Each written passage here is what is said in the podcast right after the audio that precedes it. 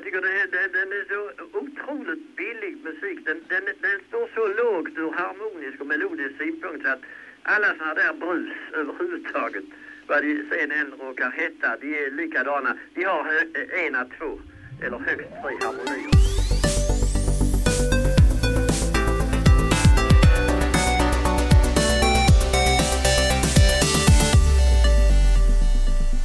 Hej hallå och välkomna till ytterligare ett avsnitt av den folkbildande och sedlärande podden Fulkultur. Idag skriver vi avsnitt nummer 62 faktiskt och för det till, till boken här så att säga.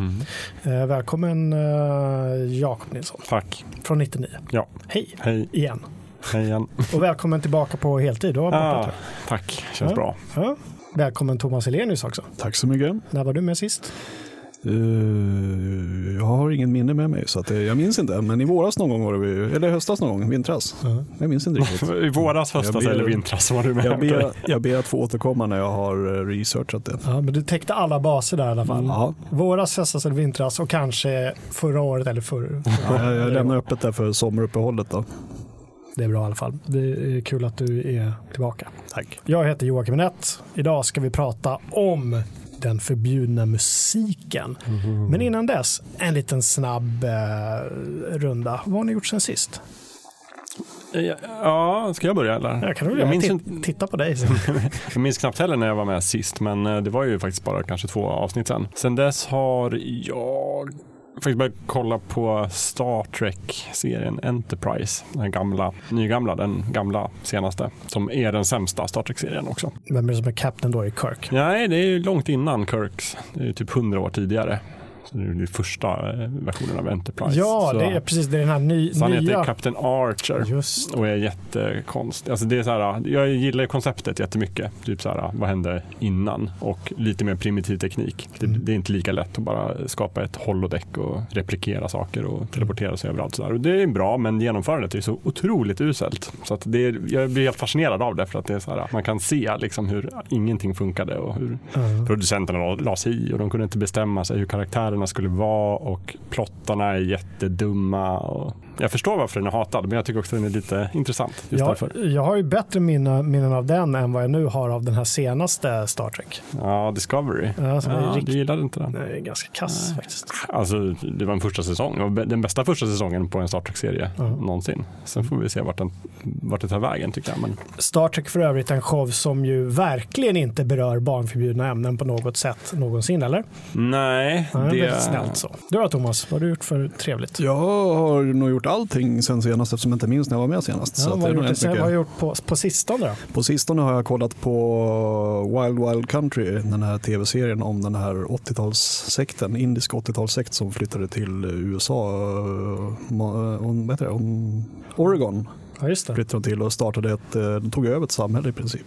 Så den är ju, sekter är intressant, Mm. apropå Star Trek kanske. Men, nej men den är väldigt intressant den, så att jag har lite kvar att titta på den. Men, Ja, vad är det? Det är sex eller åtta avsnitt? Sex avsnitt på drygt timme styck. Mm. Den är bra. Ja, Eh, mycket, det är ju, ja, det är ju eh, sex och våld och eh, sektbeteende i allmänhet. Ja. Galna politiker också. Alltså, den är ju ganska bra så att man, man får verkligen båda sidors ja.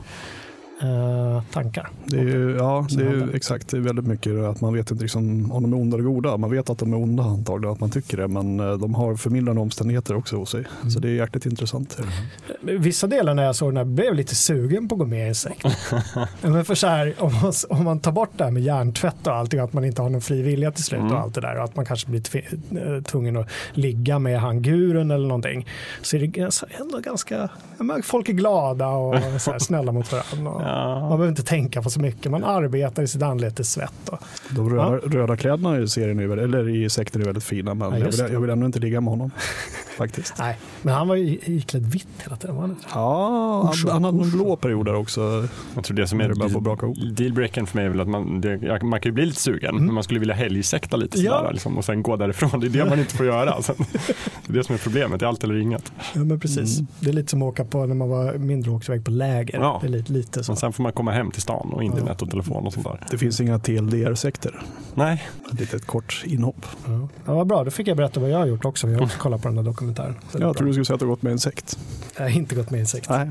Fulkultursekten kanske vi ska. Hörrni, idag ska vi prata om eh, den förbjudna musiken. Ett ämne som har legat ganska länge i vår Trello-bräda. Jag tänkte att vi ska liksom lite ta avstamp i våra egna upplevelser och vi kommer eh, prata om förbjuden musik förr, förbjuden musik idag, kanske lite om vad vi tror kommer, kommer förbjudas i framtiden. Vi kommer prata om de här kulturella glidningarna, eh, vad, som, vad som var okej förut och varför är det inte så idag? Vad är det som händer? Eh, jag tänkte också att vi skulle prata om vems, vem, vilka som kommer undan med anstötliga kulturyttringar. Hur kommer det sig och så vidare. Um, och så kommer vi såklart komma in på också vad är egentligen den här den allra grövsta musiken som finns. Vad är det för någonting? Mm. Brett ämne, hörni. Jag, jag tror vi kommer beröra allt från uh, svår jazz till Onkel Konkel, känns det som. Kanske lite Beatles rent av. Beatles Jag har också. en anteckning på The Beatles. Jag misstänkte Kan vi, inte, kan vi inte bara sådär, bara för att kasta oss in någonstans, prata lite om The Beatles då? De var, ju, de var ju långhåriga och det var ju farligt. Så då var det förbjudet. Ja, men de förförde ungdomen och älskade droger. De var fruktansvärda, samhällsomstörtande. Och det är väl det som är så intressant, att det, fin- det finns ju ingenting som är högre ansett idag än The Beatles. Och ändå var också de lite sådär, "Ah, vi kan inte förbjuda dem, men vi vill helst. Men där handlade det väl kanske inte så mycket om heller uh, att de skrev farliga texter. Ja, det gjorde de, Det gjorde de kanske också. också. om droger och sånt. Men mer om att kulturen kring kanske musiken var det som den äldre generationen vände sig emot, Mm. eller? Jo, absolut, men det tror jag också kommer visa sig vara lite av ett tema i det här avsnittet. Mm. Att det oftast är alltså, om, omkring verksamheten som, och en viss musikstil förknippas med det som är det farliga och därför förbjuder man musiken för att man tror att men den här yttringen, om vi bara täpper till den, då, då kan vi stoppa hela den här samhällsgrejen som håller på att hända. Och det funkar, jag vet inte, jag tror aldrig det har funkat. Nej, men det är väl väldigt ofta med nya kulturformer att det, det, den etablerade vuxna kulturen inte riktigt förstår. Den förfasar den sig över och ser det som farligt och, och samhällsomstörtande och allt vad det är. Så det är nog inget unikt för musiken. Vad har vi för dagsaktuella exempel på sånt där, där liksom den äldre generationen, som vi snart åtminstone börjar tillhöra, ju, förfasar vi oss över någonting ungdomarna gör nu? Spel är ju väldigt mycket så. Ja, med, med spe, musikvägar. Mm. Ja, Ja, men annars har du ju rätt. Spelen ja. har ju tagit mycket av, av tv-spelen har ju tagit mycket av den här. Men musiken är väl lite ändå, har väl uppnått någon sorts hög status. Ja det kanske Alltså, man kan ju tycka illa om musik, men jag tror det är få musikstilar som är farliga i sig idag. Mm. Det var inte så länge sedan och, och, och kanske börja få en liten, eh, en liten revival, den här rädslan för eh, unga som är ute och ravar. Mm. Kan vara så? För då finns ju droger och sånt ju, som liksom kommer in i hela den här sfären. Att det kan finnas en sån. Jag har hört att polisen har stängt ner sådana skogsrave och sånt där. Jo, precis, men ja, kanske. Det finns ju lite olika sätt att se på det, vad som är farligt också. Det tolkas ju olika. Eh, Ursprungligen så har det väl handlat väldigt mycket om att man, just det att man inte förstår mm, musiken eller vad det, vad det är det handlar om. Och då blir det farligt. Men sen finns det ju att det kan vara farligt för att det är provokativt på ett eller annat vis. Utstuderat provokativt. Eller att det handlar om banbrytande saker som, eller eh, vad ska man säga, normbrytande saker som droganvändning och sånt. Eh, Och det är väl två skilda saker. Dels att man inte förstår och sen är det att man förstår varför det är farligt. Och det, det är farligt på olika sätt. Medvetet och omedvetet provokativt. Kan, kan musik vara farlig på riktigt då? Att den verkligen, eh, För verkligen för för med sig ont? För många rockers som dog vid 27 års ålder så är det ju uppenbarligen så. Just det. Ja, men kanske inte för lyssnarna lika mycket om, om man inte tar det på fullt allvar liksom, och lever hela rock'n'roll-livet eller vad det handlar om fullt ut. Så är det väl, tror jag inte det är farligt. Nej. Men om, om man tar eh, exempel som, är, eh, ja, vi tar eh, vit maktmusik till exempel, som ju eh, förut är ganska hatiskt budskap. Kan det vara farligt, påverka eller finns det någonting annat i grunden? IS, i sån här IS-musik som de Jo, spelar men- för att rekrytera eh, Men är, terrorister. just det, men är det inte den som är så otroligt svängig? Den, ja, den det är ju lite spelades, farligt ändå. ja, den spelades i Sveriges Radio. De tyckte det Ja. var jättekul och glatt. Det kanske inte var det Nej. allra smartaste. De kanske inte är Nej. likadant med vit maktsmusik. Men, Men det, jag tänker, dels måste man ju då hålla isär de två delarna. Vad är budskapet för den här musiken och är det ändå liksom en svängare? Då kan man ju tycka om det ena men Abs- inte det absolut. andra. Nej. Men sen måste man ju ändå tänka, jag vet inte, är det farligt, alltså vit maktmusik, det är inte som att jag blir vikt, vad heter det, vitmäktare, vitmaktare. Vit, vit krigare. om jag lyssnar på en låt så, det tror jag väl inte. För då skulle allt det här falla också. Då skulle ju videovåld vara livsfarligt Precis. och tv-spelsvåld vara livsfarligt om man liksom är så lätt påverkad, man blir hjärntvättad. Mm. Samtidigt är det väl, man kanske inte ska säga heller att det är liksom helt frikopplat från allt annat. Jag vet inte, gud vad jag garderade mig där. Ja men det är väl som med allt att- som framkallar känslor, att det kan förstärka någonting kanske som redan... Ja, mu- musik Redan känns, som, ja, musik känns ju ganska eh, unikt på det viset någonstans i och med att det, det är så väldigt mycket känslor framkallar. Och man kan bädda in ett, eh, ett väldigt hårt eller kontroversiellt budskap i väldigt svängiga toner. Och få det att låta väldigt medryckande. Så kanske det är rena rama, jag vet inte vad, våldspropagandan eller vad det är, eller hatspropaganda eller vad det är man har inbäddat i det. Ändå låter det väldigt glatt och barnvänligt och snällt och sådär. Men och det ligger väl någonting i såklart. Då är musiken mer som en distributionsplattform för farliga idéer eller liksom revolutionära tankar eller vad som helst. Och det det har uppenbarligen spelat en roll i det, även om man kanske inte har liksom skapat det. Det måste ju finnas någonting där att ta från början. Eh, Jag kan bara återkoppla där till eh, The Beatles. Det, det som jag, exemplet jag hade var ju under Gulfkriget på 90-talet när den brittiska radiostationen BBC tyckte att nu är det nog bäst att vi bannar farliga låtar. Och då valde de ut 68 stycken och det, det intressanta var att den här listan läckte så att liksom, de kom på precis vilka låtar de hade bannat. Och jag, jag kan inte riktigt se något mönster för Beatles-låten Back in the USSR var en av dem som blev bannade. Eh, Och det känns inte som att den jättetydligt tangerar Gulfkriget. Ja, Nu är jag osäker på vad den eh, texten i den låten innehåller, men, men titeln... Nej, den handlar ju inte om, Nej. den handlar inte om krig. Nej. Så, men sen också, vi har Elton John, Act of War. Då handlar om krig i alla fall i titeln. Eh, Elton John också Saturday Nights All Right for Fighting. men också Dire Straits, Brothers in Arms, Aha, Springsteen, I'm on Fire och The Bangles Walk Like an Egyptian. Så de verkar ha tagit ett väldigt brett, såhär, allt som överhuvudtaget kan kopplas till konflikt, positivt eller negativt. Det är nog bäst att vi inte spelar just nu i den här osäkra tiden. okej. Man vet inte vem som kan ta illa upp. Nej men precis, Så vi bäst att vi inte allt. spelar någon musik överhuvudtaget. Jag vet inte vad de spelade. Men lite som när Olof Palme dog, när det bara var sorgmusik på, på radio i, i flera dagar men det där vill man inte spela för glatt för då kan ju folk ta illa upp. Ja men eller hur, jag kommer ihåg för vi, var, vi åkte hem från Åre den eh, dagen efter han hade blivit skjuten. Och det är en ganska lång bilresa. Det var det var bara fioler i. Ja, och jag minns inte riktigt då om eh, mina föräldrar lät oss emellan radiosändningarna och lyssna på Trasan och bananen och sådär. Men jag tror inte det. Men de, de var ju inte speciellt så här. Det var inte så att de, eh, ja men de led väl lika mycket som resten av landet. Mm. Men de var inte jättepolitiska alls. Nej, precis. Jag, min, jag var ju sex år gammal när han Mm. dog. där. Min syster tyckte ju att det, nu är det dags det här ska ju vara en sorgens dag. Så att hon förbjöd ju mig att ha roligt hela den dagen. Vi fick inte vara glada. Men känns inte det lite grann som att det mer var på det, så på den tiden? Att det var att radio och tv hade stort ansvar för folkets välmående och styra folket och allt det där. Jag tänker på med påsken till exempel, på långfredagen som var dödligt tråkig både i film och, eller både i radio och tv. Det var ju, fick inte ha kul liksom. Nu är det ju ganska förståeligt att det var en sorgens dag med, när Sveriges statsminister blev mördad, men ändå, det, man, jag tror inte man skulle hantera på samma sätt idag. Men han- sen är det ju också, det finns ju, ibland finns det ju liksom tydliga politiska skäl kanske till att banna någonting. Som nästa Gulfkrig då, alltså 2003, Irakkriget där, så blev ju den här amerikanska countrygruppen Dixie Chicks, eh, blev ju väldigt illa behandlade av amerikansk media.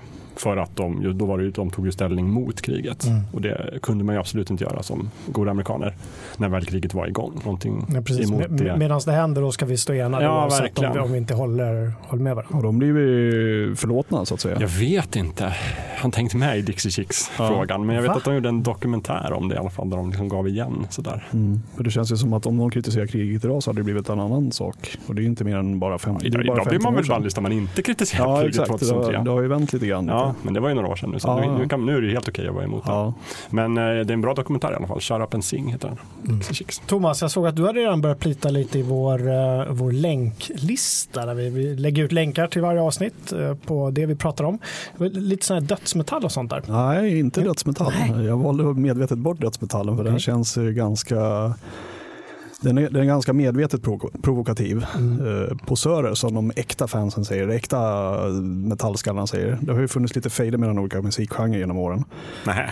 Jo, det har hänt faktiskt. Och eh, i metalgenren har det väl mest handlat om black metal-fans som har tagit det där med att vara extrem till extrema väldigt mycket. Och eh, ja, det har ju förekommit. Det stora namnet är ju Mayhem, det norska bandet som ja, spelade, de spelade in, de började på 80-talet, mitten på 80-talet någon gång. Och omgärdades av en jäkla massa kontroverser i början på 90-talet med, eh, ja de hade något skivbolag och de hade en skivaffär som hette Helvete i Oslo. Mm -hmm. Och eh, sångaren var en svensk kille, han eh, sköt huvudet av sig och eh, skar upp handleder och hals och allt sånt där före. Och eh, en av hans bandmedlemmar eh, passade på att eh, gå dit och fota honom efter det där. Och något år senare så dök de här fotona upp på en bootleg, eh, Mayhem bootleg, när han låg död, alltså liket. Så den var med på bilder. Mm. Och så har det varit lite andra affärer kring det där. Att eh, han som tog fotot, han blev eh, knivmördad av eh, Varg Vikenäs, en annan black metal-musiker. Bodde i Bergen och körde bil till Oslo med en, eh, någon kollega eller bandmedlem. Och högg sin eh, band, eller gitarristen i ryggen 20-talet gånger. Eh, så att, ja, han vart ju fälld för mord naturligtvis. Eh, och sen vart han även fälld för kyrkbränder. Han brände ner ett antal kyrkor kring Oslo och Bergen och sådär. Det var jättemycket skriverier om det där, ja. minns jag. Men, mm. men om vi, det där är lite intressant. Hur kommer det sig att, uh, var det black metal? Ja. Så att säga fel. Ja, riktigt. Var, det blev, varför blev det så väldigt, väldigt stort i Norge? Norge uh, har jag tänkt på som ett ganska så här religiöst land. Alltså, krist, alltså mer kristet än, än jätte, jätte sekulära Sverige till exempel. Mm, har Ja, ja det kanske är så. Ja. Jag vet inte.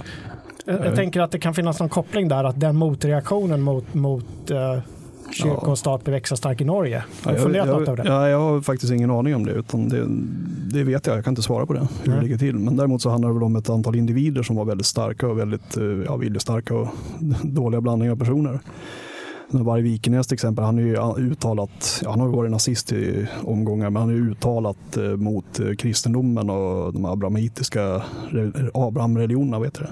Ja, Abrahamitiska och... religionerna, ja, han är emot dem och ville gå tillbaka till något församhälle av något slag eller något tidigt samhälle före det. Och eh, han stod väl för mycket av de här eh, kyrkbränningarna och sen är de ju flera stycken som har, har väldigt starka, ja de är väldigt bra PR-känsla så de har ju tagit allting till sin extrem liksom och dragit ut på det. Mm. Men Ja, jag har så dålig koll på black metal där, men vad är det vi ska få för av här? Är, liksom, är han sån här för att han är, håller på med black metal eller för att han är norrman? eller är det någonting annat? Det är så svårt, att, vart ska jag rikta min, liksom, när jag ska förfasas över det här? Ja, vad ska jag förbjuda? Ja, men det är väl an, det är så svårt. Det, det är anti allting känns det som. De är ju uttalat att de ska, det, det är bara en liten grupp från de verkligt inbundna, eller verkligt, eh, vad ska man säga, de väldigt dedikerade mm. som ska lyssna på det här. Andra är inte värdiga att lyssna på den här musiken. Men samtidigt så ligger det någon typ av väldigt mycket PR-tänk där. Man ska säga. För det, det, det, handlar ju om att få ut ett budskap någonstans, eller få ut sin uh, musik och sitt budskap och allt det där. Men Mayhem hade ju bland annat uh, Nidarosdomen och vad heter den där kyrkan i Trondheim. Mm, uh, är det väl. De hade ju den på omslaget och uh, den här Varg Vikenäs, när han greps efter mordet så hittade de ju 100 kilo sprängmedel hemma hos honom. Det är mycket kilo ja, sprängmedel. Ja, det är det. Och tanken var väl då att, eller de misstänker att han hade tänkt spränga den där Nidarosdomen i samband med deras skivsläpp, Mayhems mm. skivsläpp rent samhällsomstörtande musik. Ganska mycket. Men det är lite det jag försöker fiska efter. Här. Säger det här någonting om black metal-genren? Eller inte? Ja, det har väl blivit deras signum att de ska vara outsiders, det ska vara på, utanför ja, samhället. Precis, men då är det kanske så att då passar den genren bra till sådana här typer av människor. Ja, det gör de, det. De känner sig hemma där. Det behöver inte betyda att black metal, alla black metal-anhängare kan ju inte vilja spränga kyrkor. Det har jag svårt att tro. Det finns säkert, finns säkert någon kristen black metal också. Ja, men det gör ju det. Det är det som är så roligt. Den blir också tydligen oerhört provokativ bland andra black metal. Men det heter tydligen un-black metal. Mm. Eller white metal. Mm. White Lion. Ja, och det provocerar ju på andra sätt. Liksom. Jag har kollat upp lite grupper där. Det finns till exempel Mortification och Anti-Demon Abated Mass of Flesh. Det låter ju rätt köttigt. Mm. Men de måste ju ha med, kvar lite av den här edginessen. Men det är det jag undrar, de är... hur de kan ha det. För att all kristen rock är ju mesig per definition, tänker jag. Ja. All, all, black metal är ju inte mesig. Nej men precis, och så kommer det liksom några jävla kyrktöntar och, och gör metal. Jag vet inte hur det låter, jag har inte lyssnat, men det låter säkert som metal. Mm. Fast någonstans måste de bara lyckas provocera bara black metal-folket. För att det är ett kärleksbudskap ja. istället för ett, ett Och jag vet inte, jag vet inte, jag har inte läst hans texter heller. Det kanske är jätteedgigt fast ur deras perspektiv. Det kanske handlar mycket om, de kanske skriver mer om Uppenbarelseboken än om Höga Visan. Ja, men framförallt så gör, känns det som att kristna band kanske inte gör det för att provocera sin egen grupp alls överhuvudtaget. Nej. Utan snarare tvärtom, att de försöker, titta, det här, vi försöker anpassa ja, den här precis. Eller så är de lite till... besvärade för att de gillar musiken och så tänker de att det är väldigt svårt för mig som kristen att lyssna på det här äh, satanistiska budskapet. Ja, Bäst att jag gör en egen undergenre. Det känns som ett väldigt märkligt sätt att förmedla ett kristet budskap också genom att göra så skränig och så lo-fi musik det bara går. Man Men vad var det han sa, han som grundade Frälsningsarmén? Varför ska djävulen ha alla bra sånger? Mm. Annars är det väl bara Fredag som har provocerat sin egen publik. De var ju också lite så här ja, halvkristet. Uno, Unos gamla band ja, i Gnosjö satt ju de. Och, och de vann ju Grammis. 88 tror jag de vann Grammis för bästa religiösa grupp. Och sen 90 eller 92 vann de Grammis för bästa rockgrupp. Då hade de blivit Fanns breda. det alltså en, en um ett pris på Grammisgalan som var bästa religiösa ja, Tydligen gjorde det det. Gör, gör det fortfarande? Det vet jag faktiskt inte. Det kanske heter bästa gospel eller någonting. Ja, oklart, vet inte. Men i alla fall så när de fick bästa religiösa grupp så var det ju deras religiösa eller frikyrkofolket jättenöjda. Mm. Men när de vann vanlig Grammis då hade de lite tagit avstånd från liksom sina kristna rötter och ville mer vara ett vanligt rockband. Mm. Då blev folk besvikna på dem. För annars hade de, hade de här IS-snubbarna kunnat få det priset nu ja. Eftersom de var ganska svängiga sådär. Jag vet inte om Grammisgalan har någon form av liksom så här innehållsklausuler. Eller måste vila på en demokratisk värdegrund eller någonting sånt. Men det är svårt att tänka mig. Inga folkmördare Nej. kan få. Kan det finns bästa politiska yttring. Ja. De bryr sig bara om musiken. Det mm. låter det. Jag vet inte. Mm, nej, för det där har alltid varit, liksom, jag tycker det är så intressant just med kristen musik. Att det är så otroligt smart. De kan bli hur stora som helst inom den, inom den gruppen. Men det, det, kan aldrig någonsin gå in i mainstream-musiken för då tappar man det man kommer ifrån och då blir de mm. en nobody bland, bland vanliga det är, det är, ett ganska bra exempel på musik som är förbjuden också någonstans för, för de som inte är anhängare till den kristna musiken. Någonstans ja. så blir det att det, det spelar egentligen ingen st större roll hur bra musiken är. Det blir ju ett, en, för många blir det antar jag en ovilja att lyssna på det man vet vad det är för bakgrund och vad det, för, mm. vad det står för. Ja, men det liksom. blir mycket mer, ett, inte politiskt, men ett ja, religiöst statement då, mm. att man lyssnar på den typen av musik. Och det kollade jag nu när jag googlade lite här innan avsnittet, så kollade, kom jag in på den, den svenska största kristna rockgruppen Jerusalem som var, jag vet inte, de var ett ganska stort band ändå. De fick en viss spelning på radio och sådär.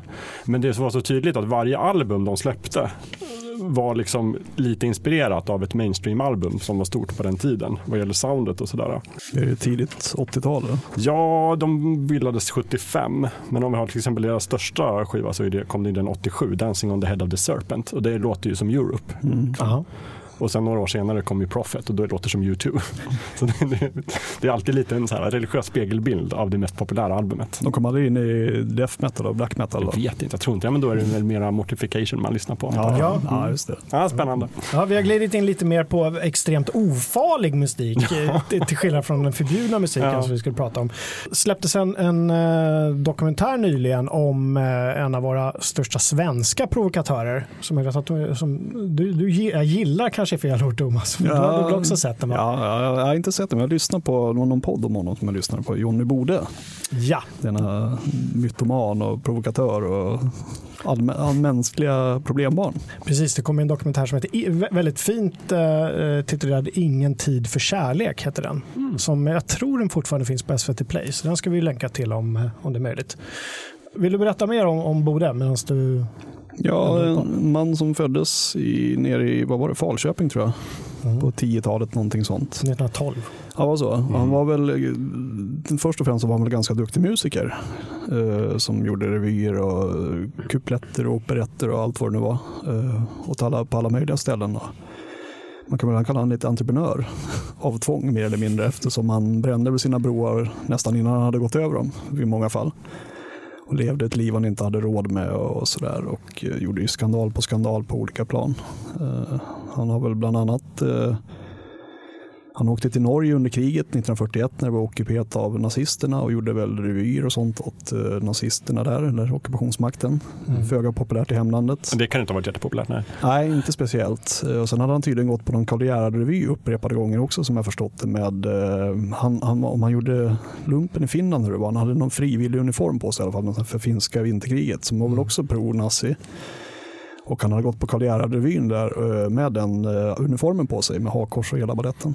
Ja. Alltså, anledningen till att jag tog upp Bode var ju för att han 1968 gav ut en, eh, för den tiden, extremt provokativ skiva som hette Bordellmammas visor. Han gjorde några andra också med ganska liksom grova och ekivoka texter. Men det tycker jag nästan är minst intressant om honom. Det intressanta är ju det han gjorde innan, det som du pratar om nu. Mm. Hans, hur han på något sätt från redan tidig ålder lyckades bygga upp väldigt eh, liksom bra karriär och sen bara rasera det. Mm. Alltså för Och- egen hand på något sätt. Upprepade gånger dessutom. Eller hur? Ja. Han, hade ju, han bodde i Wien, han, eller han flydde väl mer eller mindre till var det Berlin först, Östberlin och sådär på var det 40-50-talet, 50-talet tror jag. Mm. Och bodde i Wien till och från tror jag i nästan tio år någonting sånt där och skrev ju etablerad musik där till någon opera eller operett eller vad det var, flera stycken som han satte upp. Och sen tog han ju åt sig äran för andra som han inte hade skrivit allt möjligt och gjorde ekonomiskt haverier, konkurser och allt vad det nu var så han fick ju fly därifrån till slut också men han hade ju en förmåga att göra musik. Han var ju väldigt driftig. Han, hade, han var känd för att smita från noter bland annat. Ja, Mycket märkligt. Men vad Uh, hände med den här personen sen då? När dog han? Hur alltså, dog han? uh, Bode dog eh, 83 ja någon sånt. tror jag. Han var väl, han var väl säkert, men nu gissar jag, han var väl säkert utfattig, urfattig vid, vid den tiden. Mm. Men då var han ju mest känd just för de här eh, snuskiga låtarna som Mm. han gjorde på 60 och, och 70-talet tillsammans med en kvinna som hette Lill- Lillemor. Dahlström som han hade lovat eh, anonymitet för att få vara med som han bröt. Precis. Men det är så jättetragiskt eh, levnadsöde samtidigt som man tänker på honom med, med ganska så här, ah, vilken, vilken filur tänker man att han var. För att det var ganska länge sedan. Men han, han blev ju tvångssteriliserad till exempel. Mhm. Eh, ganska grov grej. Han var inne på eh, sinnessjukhus som det hette på den tiden. Fram och tillbaka några vändor har jag för mig. Mm. Eh, ja, he, hela det där du berättade om också att han var i, i, i Norge och skulle spela för nazisterna och Mm. allt vad han höll på med. Ja. Eh, Johnny Bode var ju hur som mm, helst, han brukar kallas för, för liksom den, den, den förbjudna musikens fader, åtminstone här i Sverige. Mm. Det är väl det jag har hittat när jag researchar, så har jag inte hitt- hittat någon, någon tidigare någon som har skrivit sånt där. Det har säkert funnits jättemycket, men, men eh, inte i modern tid i alla fall. Nej, Framförallt inte som har fått sånt genomslag. Där Bordellen Mohammeds visor hade ju sålt i, jag tror den sålde i 100 000 exemplar och på postorder. Det gick ju jättebra den där skivan. Folk köpte i smyg och Ja, men det måste ha funnits något upp, uppdämt behov av det där då. Mm. Den gick viralt, antar jag. Ja, men precis den på den, på den tiden. Mm. Det är inte ens internet. Mm. Ja, Men postorder var ju den tidens internet. Det, det det, var det. det var före CD-skivan till Ja. och med barn. har du eh, något förhållande till Johnny Bode? Nej, inte alls. Jag Nej. hade inte hört talas om honom innan jag klev in på jobbet här idag. Ja, vad trevligt. Men, Nu, nu kan jag inte tänka på något annat. Nej, då måste du se på den där Ja, det måste jag göra. jätteintressanta dokumentären. Ja.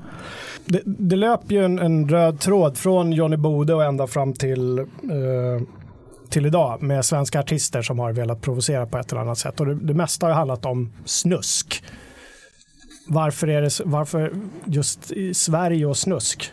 Varför är det så Jag förstår verkligen inte varför du kollar på mig Jocke, för jag vet inte. Jag är ju så kollar- ung också. Jag kollar på båda. Jag förstår varför du kollar på mig också, för att han sa nej. Nej, Ja, men, men man, kan tänka, man kan tänka sig att Sverige ändå, åtminstone efter, efter 50-60-talet, var ganska sexuellt frigjort. Ja, den Varför- svenska synden och så Varför provocerar snusket så mycket fortfarande?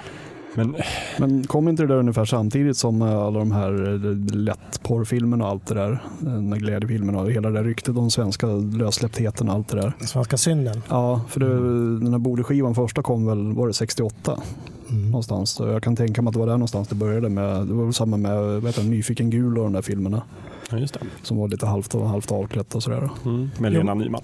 Ja, ja. Jo, men som ändå måste setts mer som kultur än Ja. vad Bordell Mm. Mammas Men- gjorde. Men kan det inte vara så här då att liksom, det, det, den bilden som utlandet fick av oss då kommer ju någonstans ifrån. Att oj, Sverige är väldigt frisläppt och titta, svenska kvinnor, svenska synden. Vad var det den här italienska roliga filmen det? Sweden, Heaven or Hell hette den, Ah. fast på italienska. Men alltså, jag, har, jag var inte född på den tiden, men vad jag vet så var ju inte alla människor i Sverige så. Jag tänker om det uppstår en sån liksom, rörelse så måste det också uppstå kanske en motreaktion i Sverige. Då, då kanske det drivs på just det här, liksom, vi måste förbjuda den här farliga musiken som Mm. promotar det här nya som håller på att hända som jag inte tycker om. Och då går man ut på gatan med sina plakat. Kanske, jag vet inte. ja, så kan det mycket väl vara. Men hur är det, du sa att det var så idag Jocke, är det, liksom, är det verkligen så? Är det inte så? Lite, vet inte. Jag vet inte. Finns det någonting man inte får sjunga sånger om idag? Jag tror man som, har får- som har med sex Jag tror man får sjunga om om, om det mesta, men det, jag vet inte. Jag tycker det känns som vi är inne på någon form av ny moralistisk våg. Ganska låg än så länge, men som vi surfar lite Ja. på. Både från, ja, både från liksom, jag vet inte. Ja, kanske. Men jag tänkte just apropå sex och sådär, det kanske det gör. Eller beror det bara på att alla är mätta på det? Att vi har, vi har fått, fått det till livs så mycket. Ja, just så att det är inte det är inte ingen som reagerar längre. Det kanske Just- därför inte händer någonting. Just sex, sexgrejen är ju ganska gjord. Det gjordes ju, med, vad heter de, Bengt Sänd och Finn Zetterholm på 70-talet gjorde ju något liknande också sån här som Bordellmammas visor ungefär. Och Mm. Eddie Meduza har gjort hur mycket som helst på egen hand. Så att det känns ju som att det, det kanske inte är lika stort chockvärde i det längre. Nej. Vi kanske ska gå in lite på Eddie Meduza. Han, han är väl känd för, för den absolut största massan av den som har lyckats provocera. Åtminstone här i Sverige. Mm. Ja, Eleganten från vidderna. ja. Errol Norstedt. Ja, det var ett av mina, en av mina första riktiga såna här förbjudna musikupplevelser. Mm. fanns ju den där alltså, heavy metal med djävlar och allt sånt på omslaget som mor förfasade, en lit, förfasade sig en liten aning över när man var liten. Men det var ju inte direkt farligt utan det var ju mer en uppmaning. Liksom, att inte, jag lyssnade på det där ungefär. Men det här med Eddie Meduza när han sjöng om massa könsord och allt sånt där. Det skulle man ju aldrig kunna tänka sig liksom, att ens mor skulle få höra. Så jag har ett väldigt starkt minne av när jag fick, jag fick ta på ett eh, kassettband med det där. Och det var, jag hade ingen sån här dubbeldäckarbandspelare hemma. Så att jag fick spela upp det på en stereo och så fick jag stå och hålla en bandare och spela in det där eh, bandet med en annan bandspelare. Och jag stod ju, vad tog det, 30 minuter, 40 minuter med bandaren upp mot väggen. Och enda man tänkte så hoppas inte mamma och pappa kommer in, hoppas inte mamma och pappa kommer in. Just Han stod och sjöng sina snuskiga visor där, Eddie Meduza. Är, var Eddie Meduza ett landsbygdsfenomen? Kan jag mycket väl tänka mig eftersom jag kommer från Dalarna. Jag, Nej, jag hörde inte talas om honom förrän ganska, ganska sent. Ändå. Jag var säkert 20 någonting i alla fall. Innan jag hörde talas om Eddie Meduza första Mm. gången. Ja, ja, det är möjligt. Jag kan tänka mig att han var stor i, i den bilburna ungdomens kretsar. Ja, han, hade mycket, han gjorde ju rätt mycket seriös musik också, rock'n'roll av olika slag. Eh, Och eh, det, det är ju traditionellt så här bilburen ungdomsmusik, liksom. Mm. raggarkultur och allt sånt i småstäder framförallt. Så det ligger säkert någonting i det. Mm. Det spelades ganska mycket Meduza på, vid Raggar Statoil i Östersund i alla Mm. fall. Du, men du, du har ingen relation Nej, till, jag är till för ung så? för honom. Jag, är- Fast ja. är du för ung? Lever, Jag inte, lever det. inte han fortfarande ute jag på... kanske bara inte hängde med. Jag, när jag hörde nej, talas om honom dog. först, då gick jag på högstadiet liksom, och det var lite så här Ja. passé. Ja, kanske. Eh, Jag vill inflika att han dog för kanske tio år sedan. Mm. Någonting sånt. Mhm. Det är på 2000-talet i alla fall. Ja, Men f- Förutom att han var en uh, gudabenådad musiker, måste vi ändå säga att han var, så, så var det ju, det var ju mycket snuskiga Medusas texter. Varför är, varför är det så provocerande då? Men på, på, jag har ju som sagt inte lyssnat då, men på vilket Nej, men sätt inte just, var hans, det? inte just hans, kanske hans text, texter specifikt, utan Nej. just uh, sådana ekivoka texter. Ja, just det. Men vad, vad gick texten ut på? Det var väl inte bara typ att de skrev om sex? Nej, det var inte på ett, väldigt, det inte på ett finstämt sätt. Nej, det var på Eh, ett fult sätt. Runka balle? Ja, eh, okej, det var det, väl det var ja. Johnny Bode där va? Var det inte det? Nej, det är runka mig med vita handskar Jaha, på. okej. Eh, Kulturskymning. R- Runke Ball sjöng väl... Du får eh, hålla Eddie isär onanilåtarna. Ja, precis. ja, ja, Ja. jag får skärpa till med det.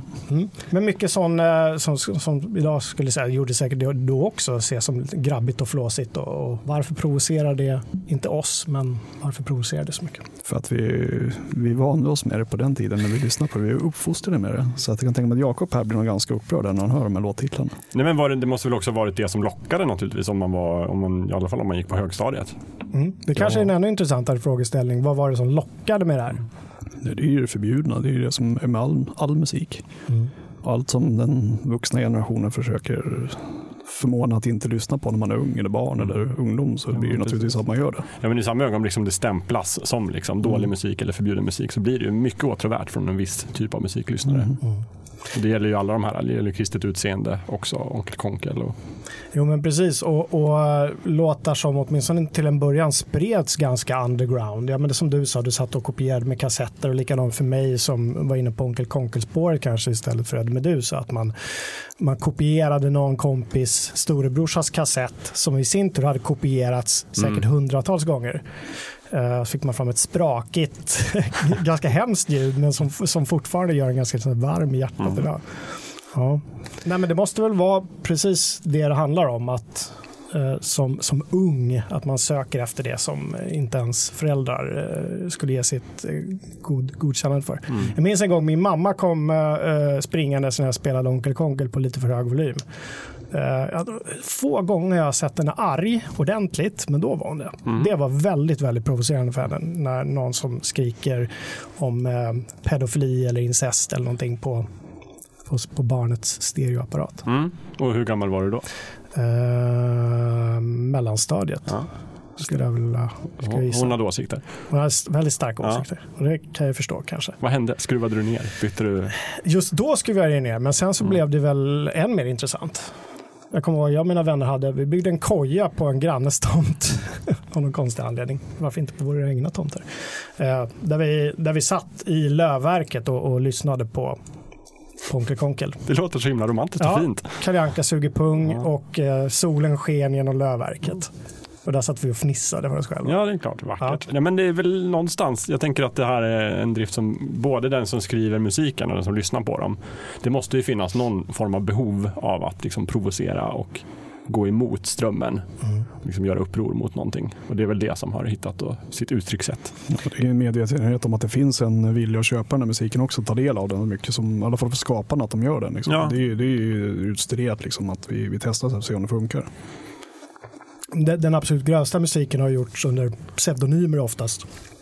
Eh, ja, kanske Johnny Bode und- undantaget. Då, då. Ja, jag- han kallades för Johnny Delgado ett tag, Ja, inte det? ja, jag tror den där uh, Bordellmammans sånger visar att den släpptes under pseudonym. För jag tror inte, han var nog inte gångbar i Sverige då alltså. Det kan ha varit så. Ja, Ja. jag tror det.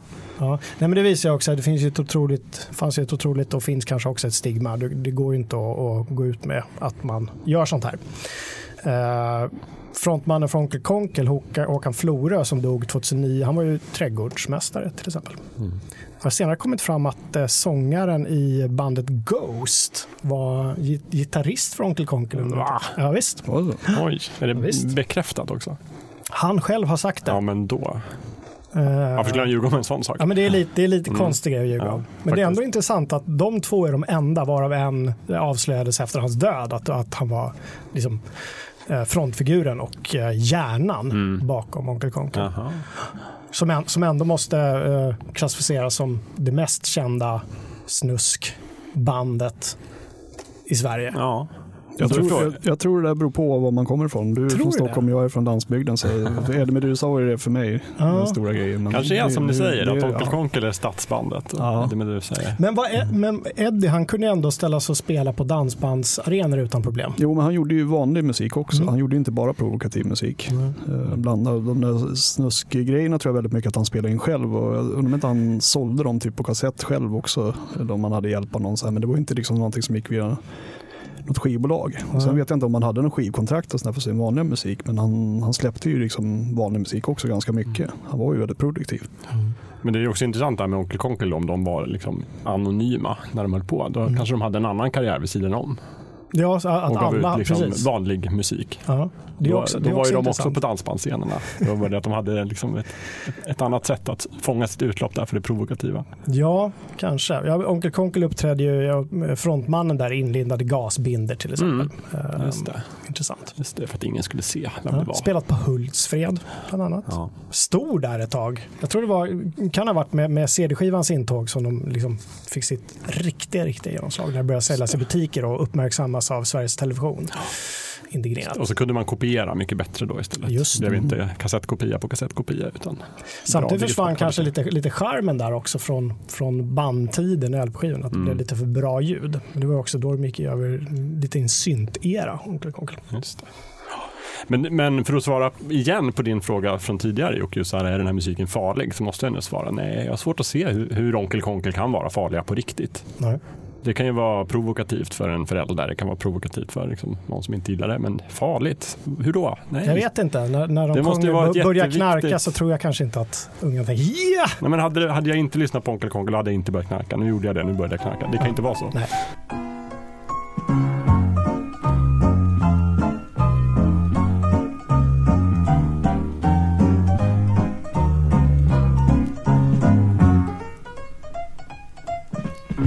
Han kommer fram så blir han kort och lille Svenne suger på hans våt våtiga penis som gräns ut av hemorrojder och konkelbär.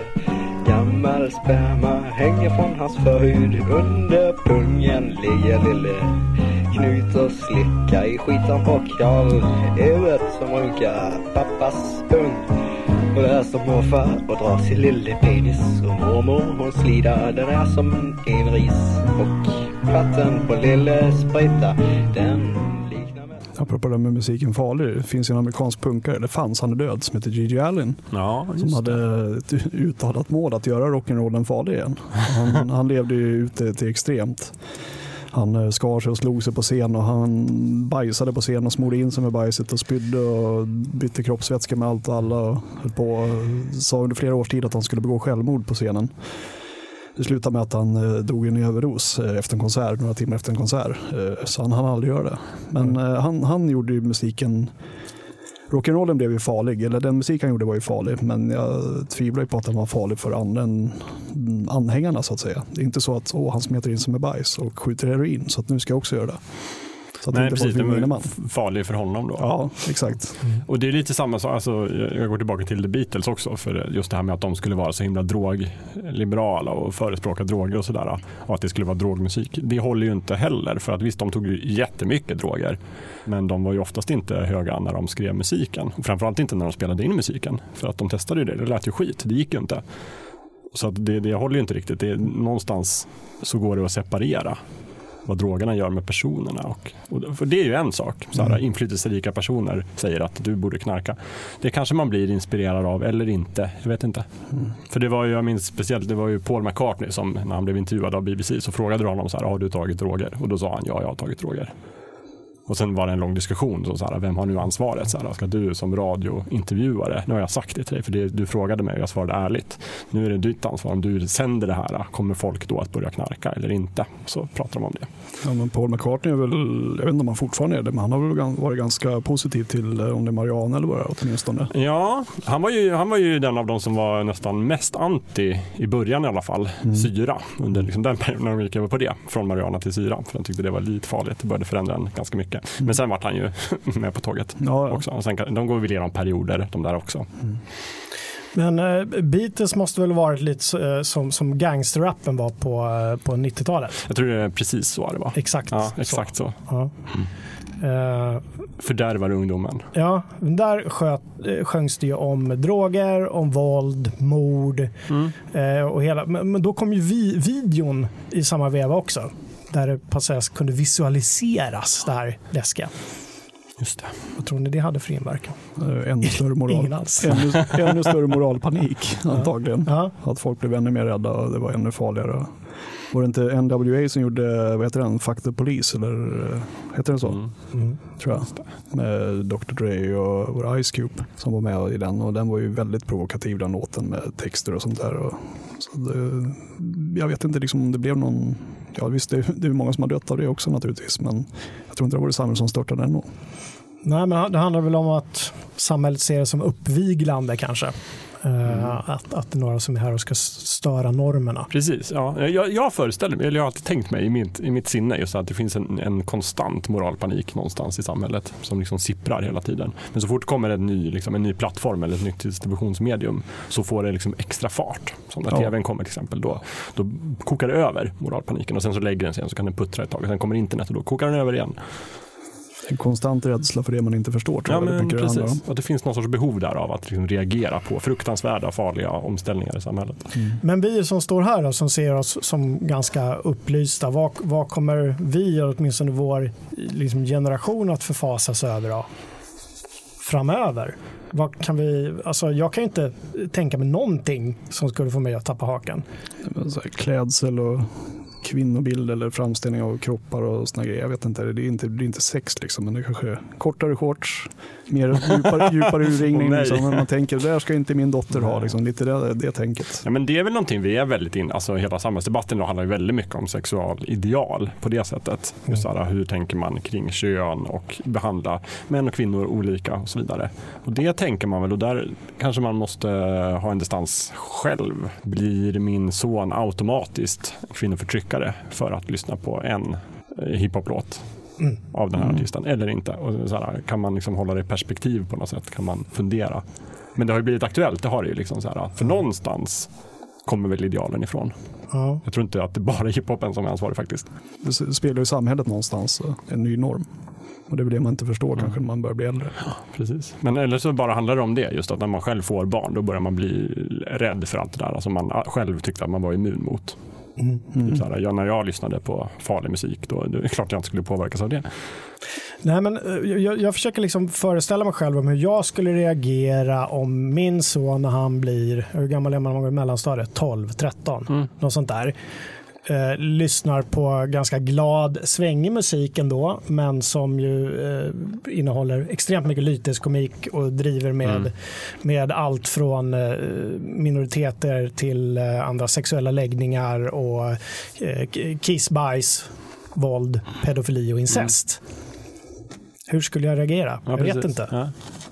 Eller om, Supersvårt. Eller om de lyssnade på Onkel Konkel, den där låten som din mamma blev så arg på. Ja, just det. Ja. Hur skulle du känna idag? Då skulle jag nog gå in och berätta om när jag lyssnar. Tror jag, om det var just det. Men jag tänker mig om det är något motsvarande som inte jag känner Ja, till. Det är det som är det luriga, för man kan ju inte liksom veta det. Jag tror det kommer att handla om att det som man själv förfasas över och så sätts det i ett musikaliskt sammanhang någonstans utan att man har tänkt sig det tidigare. Det är nog då man kommer att reagera på det sättet. Jag tror inte att man, man, man är ganska beredd på det där med vanliga sexgrejerna för det har man upplevt. Liksom, så här, men det kommer vara någon, någonting, någon kulturyttring eller politik eller vad det kan vara som man inte är beredd på. Mm. Nej. Precis, handlar väl också om hur samhället i stort ser ut om 20 år och vilka, vilka normer och värderingar som Mm. är liksom allrådande då. Precis. Ehm, Får man hoppa lite ja, man får hoppa hur mycket till man en vill. annan vinkel, då gör jag Ja, det. det för det är du som klipper sen Just idag. det, precis. får- Det här kan jag få hänga ihop. ja, nej, men jag tänkte bara att det kan, kan ju också vara så att eh, artister som uttrycker sig och är provokativa om de skriver om någonting. Det, ibland om man vill tolka det välvilligt så kan det ju också vara så att de faktiskt försöker göra en poäng med det. Att de vill påpeka på någonting som de ser i samhället.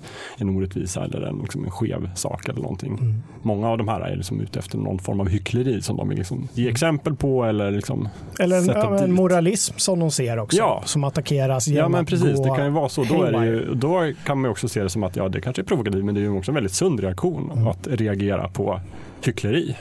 Hyckleri är jättedåligt Mm. Och ändå liksom överallt. Och så där. Och där har vi väl hela liksom, den här punkrörelsen och sånt där. Alltså, jag vet inte hur provocerande det var för vanliga människor. Jag tror punken var väldigt provocerande.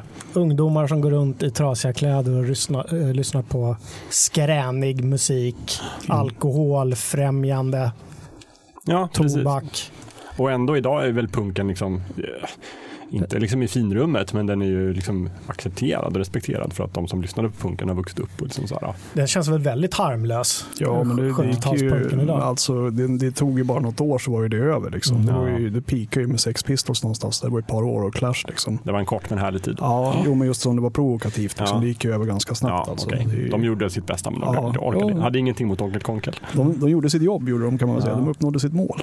Ja. Nej, men, och då tänker jag, då, då ser man ju dem, då har de nästan fått någon sorts hjältestatus som att de, de gjorde minsann uppror mot liksom, eh, moralismen och hyckleriet och sådär. Samtidigt om man ska granska punken kritiskt, vilket jag inte ska, men då är jag helt säker på att det finns väl säkert saker i de texterna och i den musiken och i det levernet som inte är särskilt attraktivt idag. Jag vet inte vad de hade för kvinnoporträtt till exempel i sina texter. Nej. Men jag vet att The Beatles texter är ju inte jätte liksom, PK alltid så ur det perspektivet. Ja, men det speglar ju en tidsanda också. Som är, det är ju ändå Beatles är ju är det, 50 år sedan, så det är ju en helt annan tid. 55 Mm, år sedan. absolut, men då är det så här, jag tänker att det- är svårt att hålla, man får försöka hålla olika tankar i huvudet samtidigt. Mm. Att en genre kan ju vara jättebra för att den gör uppror mot en sak, men den kan ju vara bristfällig på andra saker. Mm. Och Vad den var- perfekta musiken finns inte. Vad var det som kom efter punken då? Nu har vi, vi har pratat lite om Beatles och sen kom punken på Mm. 70-talet. Eh, vad kom sen då? Var det inte den farliga hårdrocken som kom? Hårdrocken. Som gjorde sitt intåg. Just det, Sivert Öholm satte morgonkaffet i halsen. Ja, Ja. i stu- vad är det han som gjorde studio? Svar direkt va? Svar direkt. Ja, precis. Just. Usch. Fruktansvärt besviken var han på hårdrocken. W.A.S.P. We are Satan's people. Eller Vi are Satans people som han sa det. i det här berömda klippet som finns Ja, på vad heter på den här stackars eh, journalisten? Anders Tengner, Ja, chefredaktör för eh, gamla tidningen Okej. Mm. Som var väldigt mycket hårdrock och synt från början men sen blev väldigt mycket annat också. Ja. När jag läste den så var det inte så mycket hårdrock och synt. Nej, det var Då var det mer 90-tal. boybands, Då var det boybands. Då var det mycket Beverly Hills-casten som var på omslaget. Luke Just Perry och den här Jason Presley. Inte alls särskilt provokativt. Men då Men- var det hårdrock. Men hårdrocken, jag, jag, jag minns ju brorsan introducerade ju mig för, för hårdrocken. Han är född 72. Så han var väl mitt uppe i det där då. Uh, Mötley Crüe, Twisted Sisters. Ja, Uh, män i, sminkade män i långt hår som skriker och eh, säger eh, dra från plugget. Mm. Känns ju väldigt harmlöst idag. Ja. Allting. det var, det var Nästan nog- lite gulligt. Jag, jag tror det var ganska harmlöst för de flesta utom Sivert Öholm även då. Mm. Det var lite så här lätt provocerande liksom, med att klä sig i kvinnokläder och så där, men det var ju inga stora samhällsuppror. Liksom. Det är inte förbjudet på det viset. Mm. Nej. Och sen hade de väl en viss Mm. rekvisita, många av de här som var, liksom, gick ut på blod och så här, döda råttor och sånt. Så det är också svårt att liksom... Just. Ja, Alice Cooper var väl, han var ju Ja, rätt tidigt ute ja, med exakt. det. Ja. Läder och nitar och, och Ja. bita huvudet av fladdermöss. Mm. Ozzy Osbourne, Black Sabbath. De var i och för sig Ja. tidigare än så, det var ju 70-tal va? Ja, det är ju typ första hårdrocksgruppen riktigt Mm. stora. Så. Just det. Mm. Jag minns den här skivan av Ozzy Osbourne, Bark at the Moon, där han är utklädd som en varulv på omslaget. Just det. Han uppträdde som, det på, som varulv på scen också. Mm. Så. Tänk vad många som skulle vilja förbjuda honom när han hade det. Oj, Ja. oj. Ja, men det är lite som du säger Jakob, eh, som du sa, det, det känns ju nästan gulligt idag. Ja, Men det, jag tror att det, det var ganska utstuderat farligt liksom någonstans. Och någonstans under allt det där så bubblar ju den, den riktigt farliga musiken, den riktiga hårdrocken. Men hela den här extremmetalen föddes ju någonstans. Till att börja med Metallica och de där som är visserligen rätt stora och harmlösa, men Slayer och alla de där. Mm. Och ur det så någonstans där kommer ju de här med Napalm Death från där i mitten på 80-talet. Den eh, brittiska grindcore och hardcore death, äh, grindcore-vågen. Och den har ju spånat ut i massa olika black metal. Där kommer ju från det också. Ja, Mm. även Venom var ju rätt tidig hårdrock då liksom. Just. Men det, det är där någonstans liksom, det som blir farligt och som uppfattas som farligt på allvar. Det kommer ju inte liksom ur att det är medvetet provokativt. Utan det är ju så pass alternativt från början. Mm. Och då är det väl en, mer en, en genuin oförståelse för, inför det som gör att det blir farligt någonstans. Jag vet, Ja. Det fin- finns ju en grindcore-grupp som heter Carcass som prydde sina två första skivomslag med eh, foton på likdelar eller på kött i alla fall, styckdelar. Och skrev texter som var djupt ironiska ska man väl kanske kalla det, eller provokativa någonstans. Med, det handlar om obduktion och nekrofili och kannibalism och såna grejer. Det var, ganska, ja, det var, det var väl en, en sorts humor i det där någonstans, liksom så här medvetet skämtan, skämtsamt. Liksom. Mm.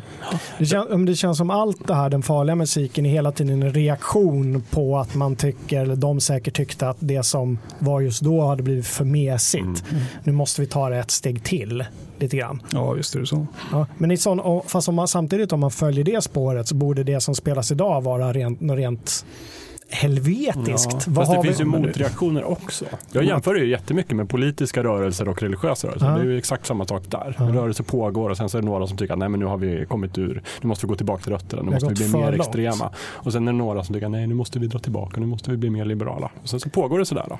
Var det då hela den där boyband-vågen med Max Martin och, och de kom? Nu Var- vet, nu vet jag inte varför du tittar på mig faktiskt. Mm, Ja, ja, men men jag det- tänker att det var den här reaktionen Ja. som Jakob pratar om, att det inte ska bli värre utan vi går tillbaka, nu ska det bli Ja. Tvärtom. Och det, det, då kan det mest edgy man är gö- göra fyra väl, väl friserade pojkar som står och sjunger fint. Ja, men precis, då är vi Ja, något 99-2000-talet sånt. där. Vad var det samtida med, med någon form av 80-tal. metalform på 90-talet? Vad hände på den scenen då? På 90-talet, Mm. ja det var ju rätt så etablerat med det här black metal-vågen. Det var ju tidigt 90-tal, 90, 91, 92 liksom när det blev stort. Kyrkbränning och allt det där.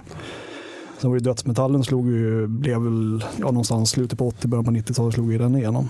Eh, och det var ju ja, det var ju ganska etablerade grejer då. Det var väl ja, ungefär samtidigt som gangsterrappen. Mm. Och det där som kom. Och sen så, jag vet inte, mitten senare på 90-talet, det känns ju mer som att det är utveckling av befintliga koncept på den fronten, i alla på metallfronten. Den extrema metallen. Det blev ju liksom, spånade av sig kopior och andra varianter liksom, men det var väl inte så nyskapande. Kanske för att det inte går att spela så jävla mycket snabbare än Napalm Death. Det var hastigheten som räknades. Ja, lite så. Det var inte det så provokativt så, men eh, ändå. Men det är väl också som du säger där Thomas, att den, som han som ville göra hårdrocken farlig igen. Liksom, det måste ju någonstans ganska snabbt bli en, liksom en självmedveten rörelse. Ja, Man har gjort någonting som, och det här provocerade och sen, så liksom, sen blir det snabbt mainstream. men... eh, Så måste man ju ta i hårdare och hårdare för att vara provokativ om det är det man vill vara. Ja, jo visst är det väl så. Men han var ju så pass extrem så att han, han, tog, han dog ju liksom. Så att Ja. det, det, andra Det är svårt, hur ska man toppa det? Det går inte. Nej, och för övrigt är det rätt intressant att han hette Jesus Christ Allen när han föddes. Han bytte namn, eller han, ja, lite senare. Och en annan rolig grej, apropå roliga namn, så är det han Varg Vikenäs som är så mot kristendomen. Han heter Christian Vikenäs när han föddes. Ja, det är ironiskt. jätteroligt tycker Ja. jag. Men Allen, spelade han i någon grupp eller? Ja, Gigi Allen and the Murder Junkies och vad var det? Gigi Allen and the Texas Nazis och ett 20-tal Ja. andra kanske. Jag vet inte hur många det var, men jo, det var väl gruppkonstellationer. Det var väl han och Mm. hans bror var väl, om jag minns rätt, så var väl de de bestående faktorerna det. De två bestående krafterna. Mm. Jag försöker fortfarande stå och fundera och hit- hitta musik idag som ses som provocerande och kanske lite farlig. Det närmaste jag kommer det är, det är liksom någon, någon sorts så här f- f- förorts-rap som folk tycker, "Ah, ska ni verkligen sjunga om och slåss med polisen? Är det verkligen, Mm. är det verkligen bra? Ja, men jag tror vi måste söka där. För jag tror inte just det här liksom, vad man har för scenshow eller vad man har skriver om sex så tror jag det är väldigt svårt att liksom, Mm. provocera idag. Men just det här när man drar in värderingar och politik. Då Mm. kanske man kan liksom vara provocerande eller åtminstone anses som farlig. Mm. Just det här, vad, vad, vad grundlägger det här för värderingar i våra barn som växer upp? Ja, men precis, för de skriverier som har varit de senaste åren måste ju, måste ju ha handlat mest om, ja men du kommer ihåg den här gruppen Kartellen, Mm. Eh, vad hette han, Sebbe, Sebbe Stax, som sen blev frireligiös va? Mm. Ja, Ja. just det. Ja, men, men som ja, det skulle förbjudas att de fick, de fick inte spela på festivaler för det var eh, fel på texterna och det var Mm. drogliberalt och, och vad har vi för andra sådana exempel? Ja, Den här Uppsala-festivalen, reggae-festivalen i Uppsala kanske är ett Just sånt exempel. Med, hur var det, stängdes den ner? Förbjöds den? Eller? Nej, men det var ju väldigt mycket, vä- väldigt många gripanden för vissa illegala substanser i alla fall ett par Mm. år. Och jag undrar om det inte var så att den la ner, men jag, jag svär inte på det. Mm. Nej, men jag sitter och tittar på någon form av liksom kro- kronologisk ordning. Om vi om fem år ska göra, skulle göra ett potentiellt fulkultur som Mm. handlade om den vanliga musiken. Så vad hände på Mm. 20-talet? 2000. Ja, 2020-talet? I, i, den, I de mer extrema genrerna så skulle jag ju nästan säga att det, det handlar nog ganska mycket om den här IS-musiken till exempel. Mm. Att man använder musik för att rekrytera för politiska extremer. Det är väl en sån grej som är Och, och motsvarande också kanske vit maktmusiken då som har fått en Ja. liten revival. Mm. Ja. eh, Och som också var stor på 90. Ja, precis. Men just för att de, de går in i inspelningsstudion med någon form av budskap. Ja. Så det är ju lite farligt idag. Det samhällsomstörtande Ja. helt enkelt. Mm. Och samtidigt tror jag varje tid har liksom verkligen här grejer som är, de är helt blinda för. Mm. Man kan verkligen flyga under radarn. Alltså, vi pratade ju innan inspelningen om knutna nävar och liksom hela den här kommunistiska vågen på Mm. 70-talet. Och så. Det var ju, jag vet inte om det var några som tyckte att det var problematiskt med knutna nävar på 70-talet att ha den hemma i skivsamlingen.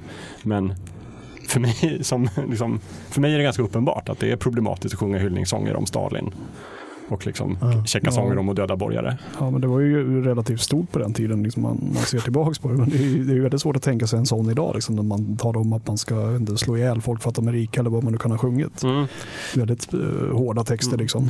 Samtidigt så känns det lite som, som den retoriken också har fått lite comeback nu i, i, i och med att liksom den, här, den, den så kallade kampen mellan höger och vänster Mm, ja. hårdnar med hårda ord från alla sidor. Att, Jo, det är väldigt uppskruvat. Eller hur? Mm. Det kanske är plötsligt, nu kanske vi precis har kommit in i den tiden igen när man kan sjunga liksom så. ja, på Twitter rasas det. Ja, precis. Ja, inte, ja, men? Ja. Nej, inte jag. nej, precis. Nej, men så här, på Facebook, man blir, jag vet inte, man kanske blir blind av att tycka att eh, den andra sidan är väldigt dåliga, väldigt fula. Jag försöker sätta mig in hur, hur uh, grupperingar av unga idag som kanske skulle ses som radikala, vad de sitter och lyssnar på Mm. eh, när de sitter hemma och dricker vin eller öl respektive Ja. på sina studentrum. Ja, jag vet inte. Om de går tillbaka till den här tidens uh, kampmusik. Ja. ja. Hiphopen spelar väl en roll där. I alla fall i vissa sa- grupperingar i vissa sammanhang. Eh, Jag tänker det är ju outsider-perspektiv väldigt mycket. eh, Mm. utanför samhället. Det är ju väldigt mycket punk i det också någonstans. Att det är ju helt anti-auktoritärt. och Lever ett Mm. eget liv utanför det vanliga samhället eller etablerade samhället. Men jag- jag, jag vill också någonstans tro att vi har blivit lite mera fulkulturellt bildade idag som regel. Att mm, jag tror att man kan hålla isär idag varför man lyssnar på saker och vad man gillar med det och inte. Och jag tror inte att, alltså det, jag kan se det problematiska i det, men det behöver inte hindra att jag, låter, att jag inte njuter av låten. Mm. Och jag tror också, jättemånga jag känner lyssnar ju på Knuta nävar idag, liksom ironiskt.